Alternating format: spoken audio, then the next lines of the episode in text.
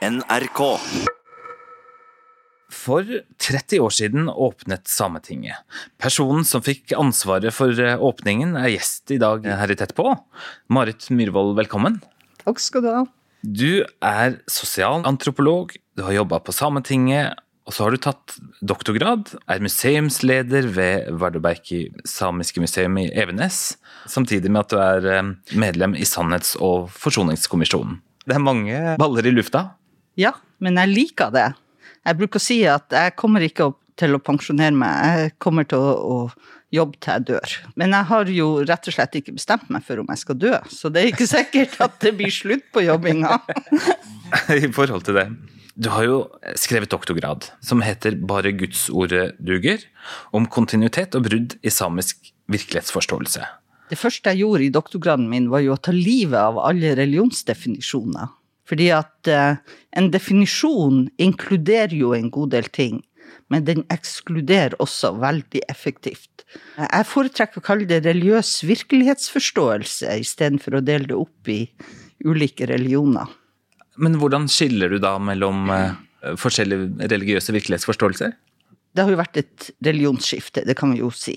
Og det er jo sånn ofte i dag at når man tenker på samer og religiøsitet i fortid, så tenker vi på en hard misjon på den ene sida, og så tenker vi på sjamanisme og noida på den andre sida, ikke sant. Mm.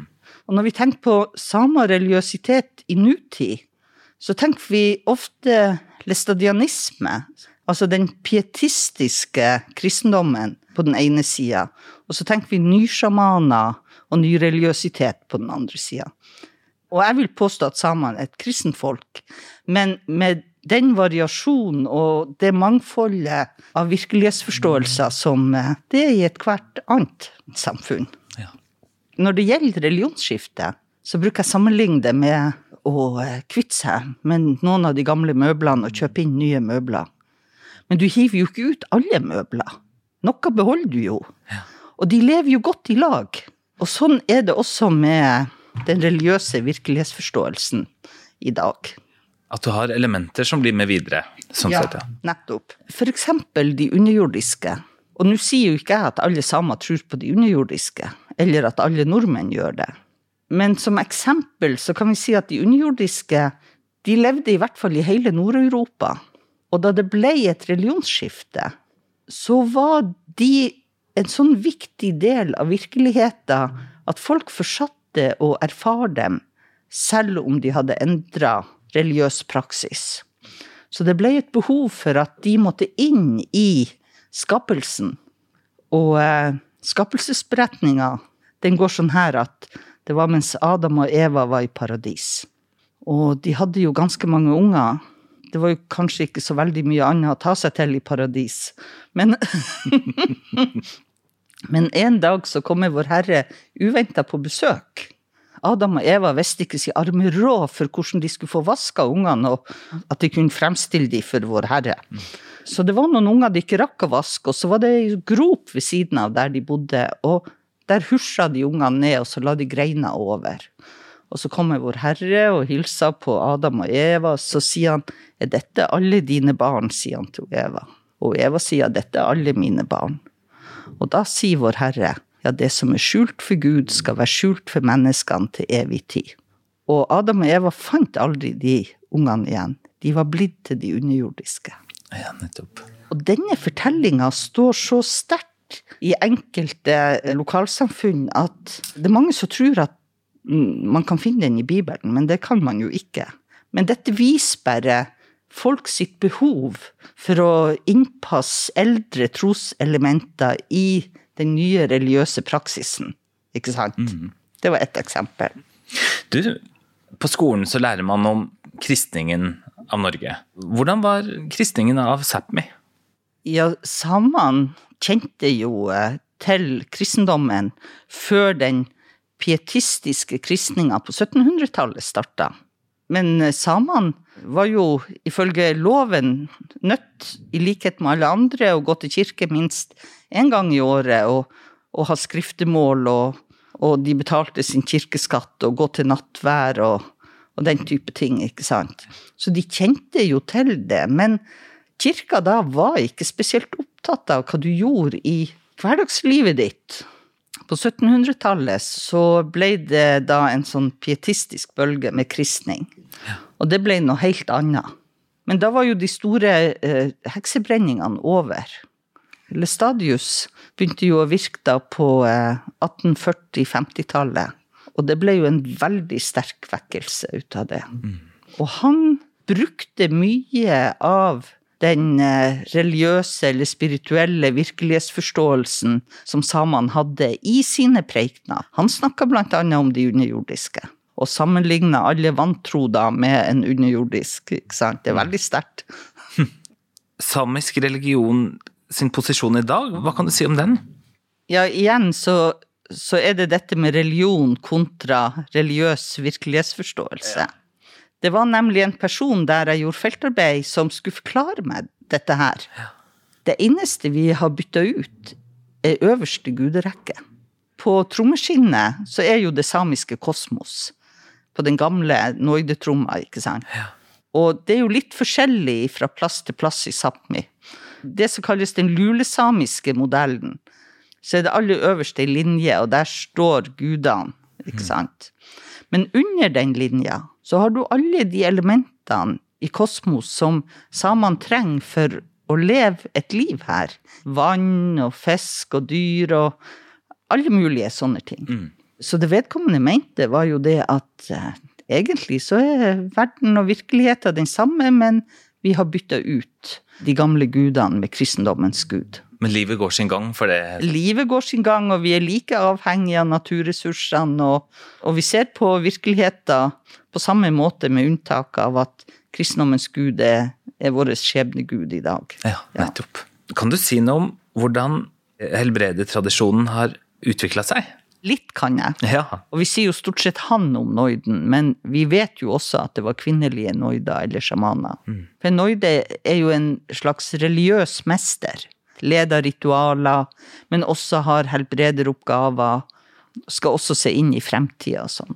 Du ble utpekt, og så ble du opplært. Og så fikk vi det skiftet til kristendommen. Men altså, helsevesenet var jo ikke utbygd. Folk måtte jo klare seg på et eller annet vis dette med helbrederfunksjon, den hørte jo sammen med de religiøse mestrene òg. Men jeg tror ikke akkurat at alle misjonærer så det. Den kunne leve videre, ikke sant. Ja. Så det som jeg kaller den tradisjonelle helbrederen da, innenfor en kristen kontekst, velger det heller ikke sjøl, og blir også opplært. Så der ser du en, en veldig sterk kontinuitet. Men vi ser også en endring i bruk av helbrederne, for dette her er et brukerstyrt helsesystem. Hvis ikke folk bruker dem, så, så vil de jo forsvinne etter hvert, ikke sant. I dag så kan vi se at eh, folk kontakter en helbreder før eksamen, eller før en fødsel. Altså dette med å være i forkant for å ha noen som eh, kan gjøre det enklere, ikke sant. Ja. Hvor utbredt er det i dag, da? Jeg tror jo at det er veldig utbredt. Men der har du også det, det som vi sier taushetskulturen, for at lokalsamfunnene hegner veldig sterkt om sine helbredere. Du skal være godt kjent før du får vite hvem det er, men har du et behov, så får du vite det. Tror du på helbredelsens kraft sånn sett? Ja, jeg må jo tro på erfaringa jeg har med den, i hvert fall, og den er veldig stor. Som jentunge så trødde jeg en eh, stor eh, firtoms spiker gjennom turnskoen og inn i foten. Og så fikk jeg jo det som vi på folkelig språk kaller for ei blodforgiftning, som du kunne se gikk opp over foten min. Og mor mi ble jo eh, ganske bekymra jo nærmere kneet det kom, for at det er sånn tror på at hvert ledd den går forbi, så blir det verre. Ja. Men da var det bygdas og familiens helbreder som Han stoppa den. Jeg kunne se at han stoppa den, og at den gikk tilbake. Ja vel? Var han borti Nei, han var ikke borti meg fysisk, nei. Hva gjorde han da? Nei, jeg vet ikke hva han gjorde. Men altså, dette her var jo en naturlig del av oppveksten min.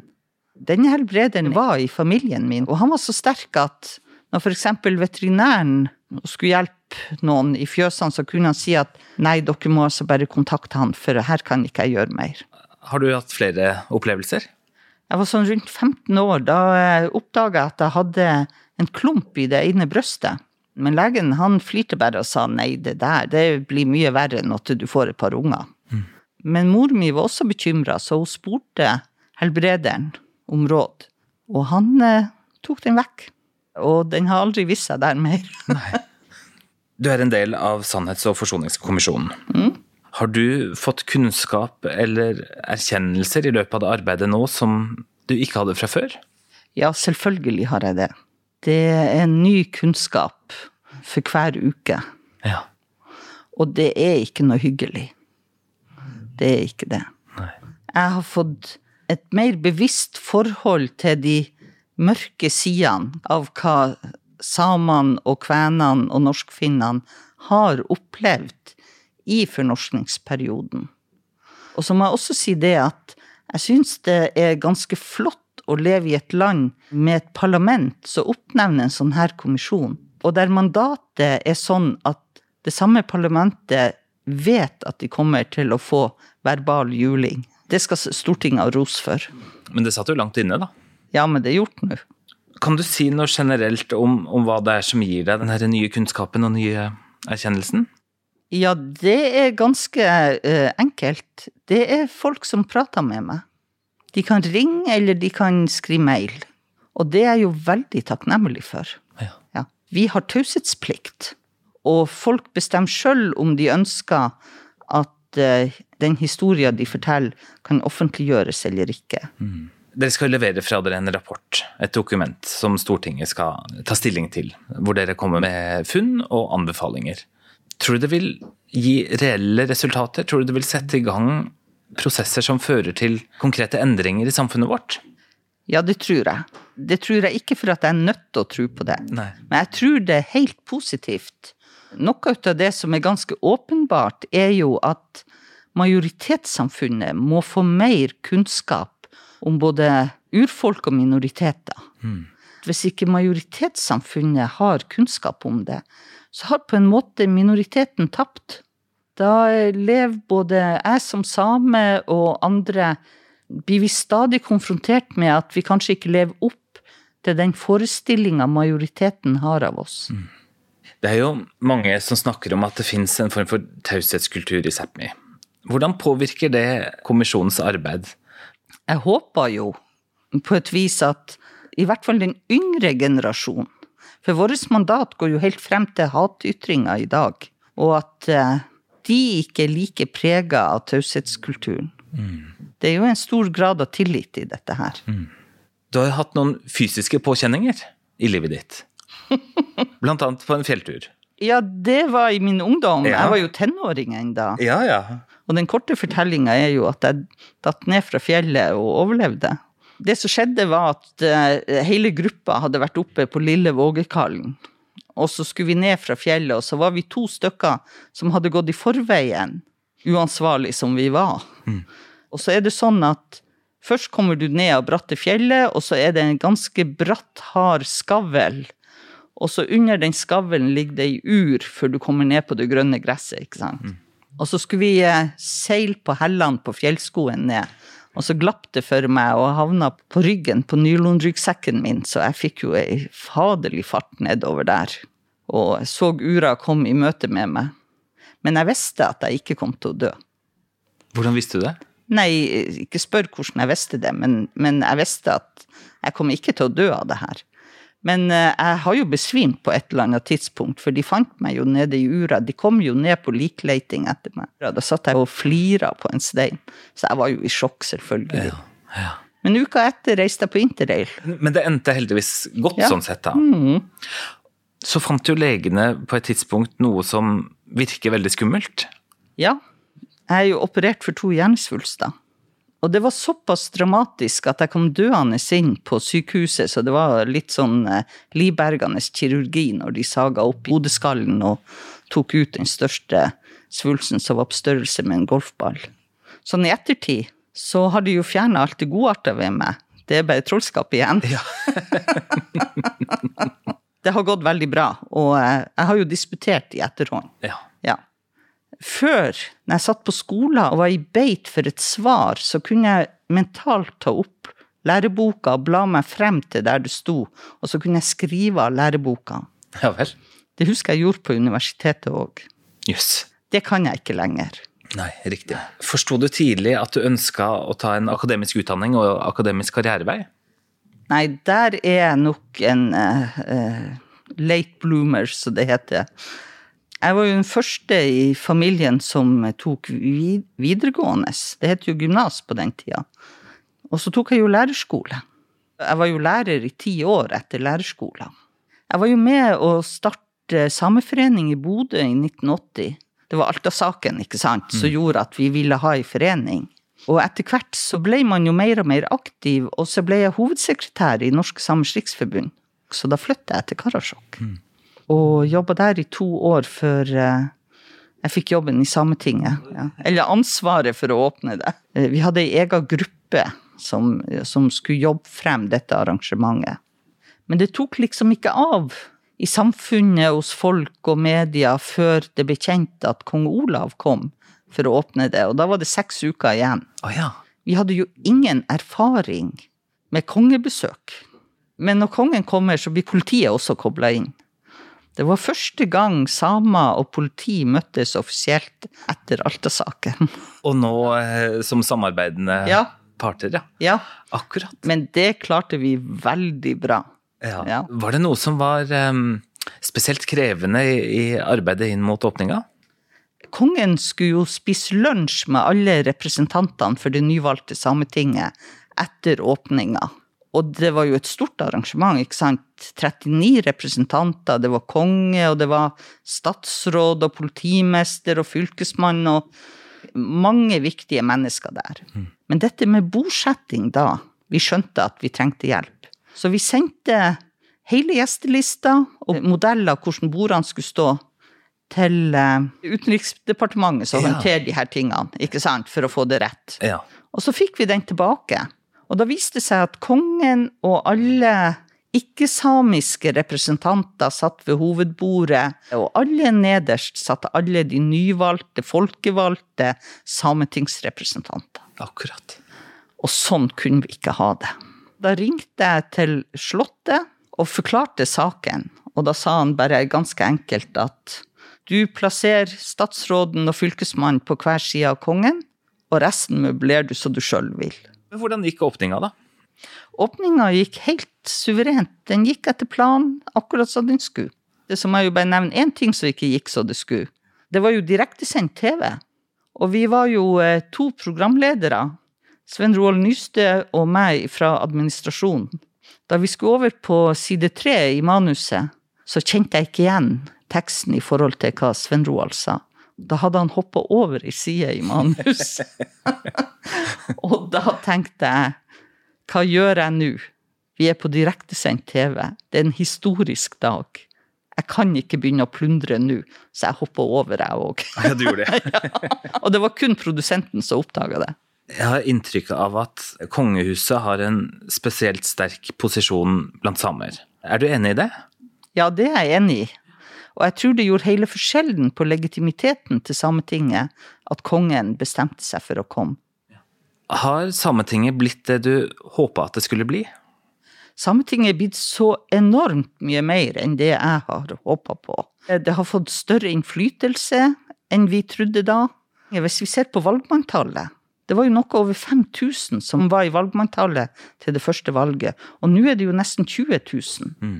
Hvis det er noe som plager øynene mine, så er det når jeg ser at det, vi regner med, står det i mange skriftlige kilder, at det er ca. 40 000 samer i Norge.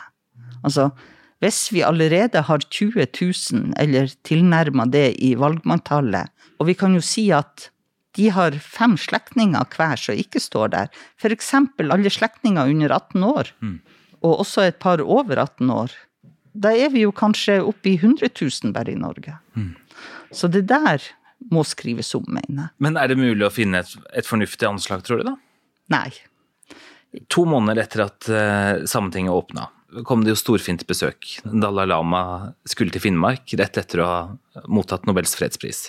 Og det var jo selvfølgelig ikke tvil om hvem som skulle organisere det. Så da, da fikk du ansvaret. Det var jo da full vinter, 40 kuldegrader, Så vi eh, lånte en pesk til Dalai Lama, og skaller og hue og, og alt som skulle til.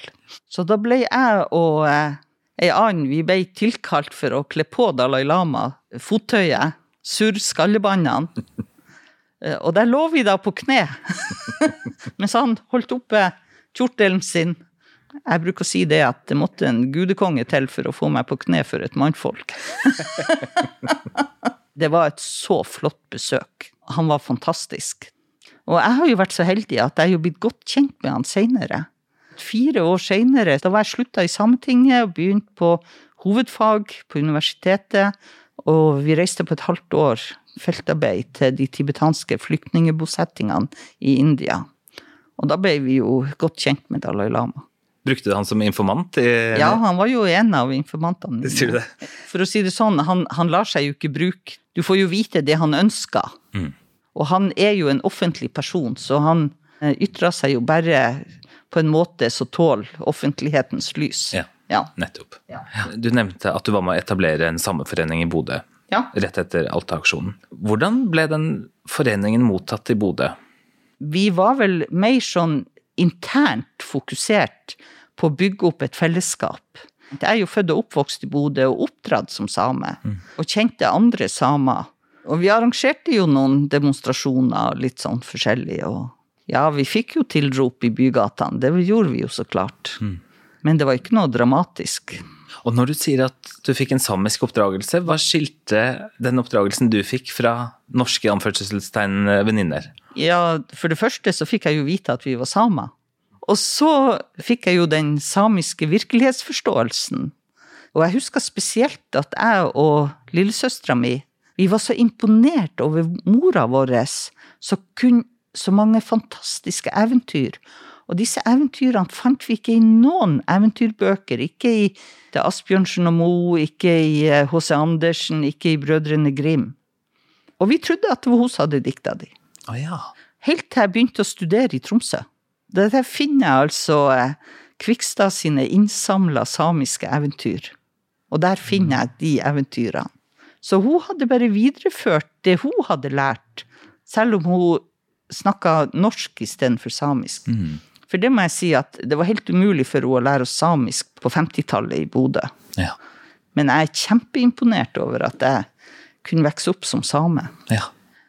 Men det var jo stort sett en hjemmekultur. Så lurte jeg på dere på museet har hatt et prosjekt med å samle inn kvinnefortellinger fra markabygdene. Ja.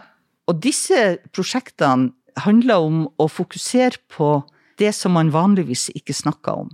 Det at ingen fortalte noe om f.eks. menstruasjon, fødsler, seksualliv, alle de her tingene til de jentene. Og hun heter Bente Eilertsen, hun som er engasjert på museet for dette. Hun har gjort en utrolig fantastisk jobb med å få disse damene i tale. Så kvinner som f.eks. hadde født da, Ja. de, de fortalte ikke om dette her til yngre slektninger som var gravide? Eller? Eh, jo, for det var jo et spørsmål etter hvert da til dem om eh, alt det som de ikke visste når de vokste opp, om de har fortalt det til sine døtre. Og det var litt forskjellige svar. Sånn at den tausheten, den eh, kan gå i generasjoner. Og ofte hvis de visste noe, så var det for at det var ei tante eller ei storesøster som hadde fortalt. Akkurat. Har dere fått noe godt svar på hvorfor denne taushetskulturen finnes? Altså hvor er den kommer fra? Det er et veldig godt, eh, godt spørsmål. Det har jeg ikke noe svar på. Du kan ha store geografiske forskjeller, og så er det likevel et Ja. sånt fellestrekk, da. Ja, og eh, jeg må jo si, jeg har jo opplevd det sjøl. Da jeg kom i overgangsalderen og visste ingenting. Da måtte jeg ta ei eldre venninne fatt og si hvorfor har du ikke fortalt noe om dette? Oh, ja. Altså, det er jo så mye taushet rundt det. Altså, det går jo an å pense eh, samtalen over på eh, at en dag så kommer det til å skje med dere òg, ikke sant? Det går jo an å bryte lydmuren, for å si det sånn. Marit Myhrvold, tusen takk for at du var med i Tett på. Bare hyggelig. Jeg heter Svein Lian. Tett på fra NRK Sápmi er produsert av 1 til 1 Media.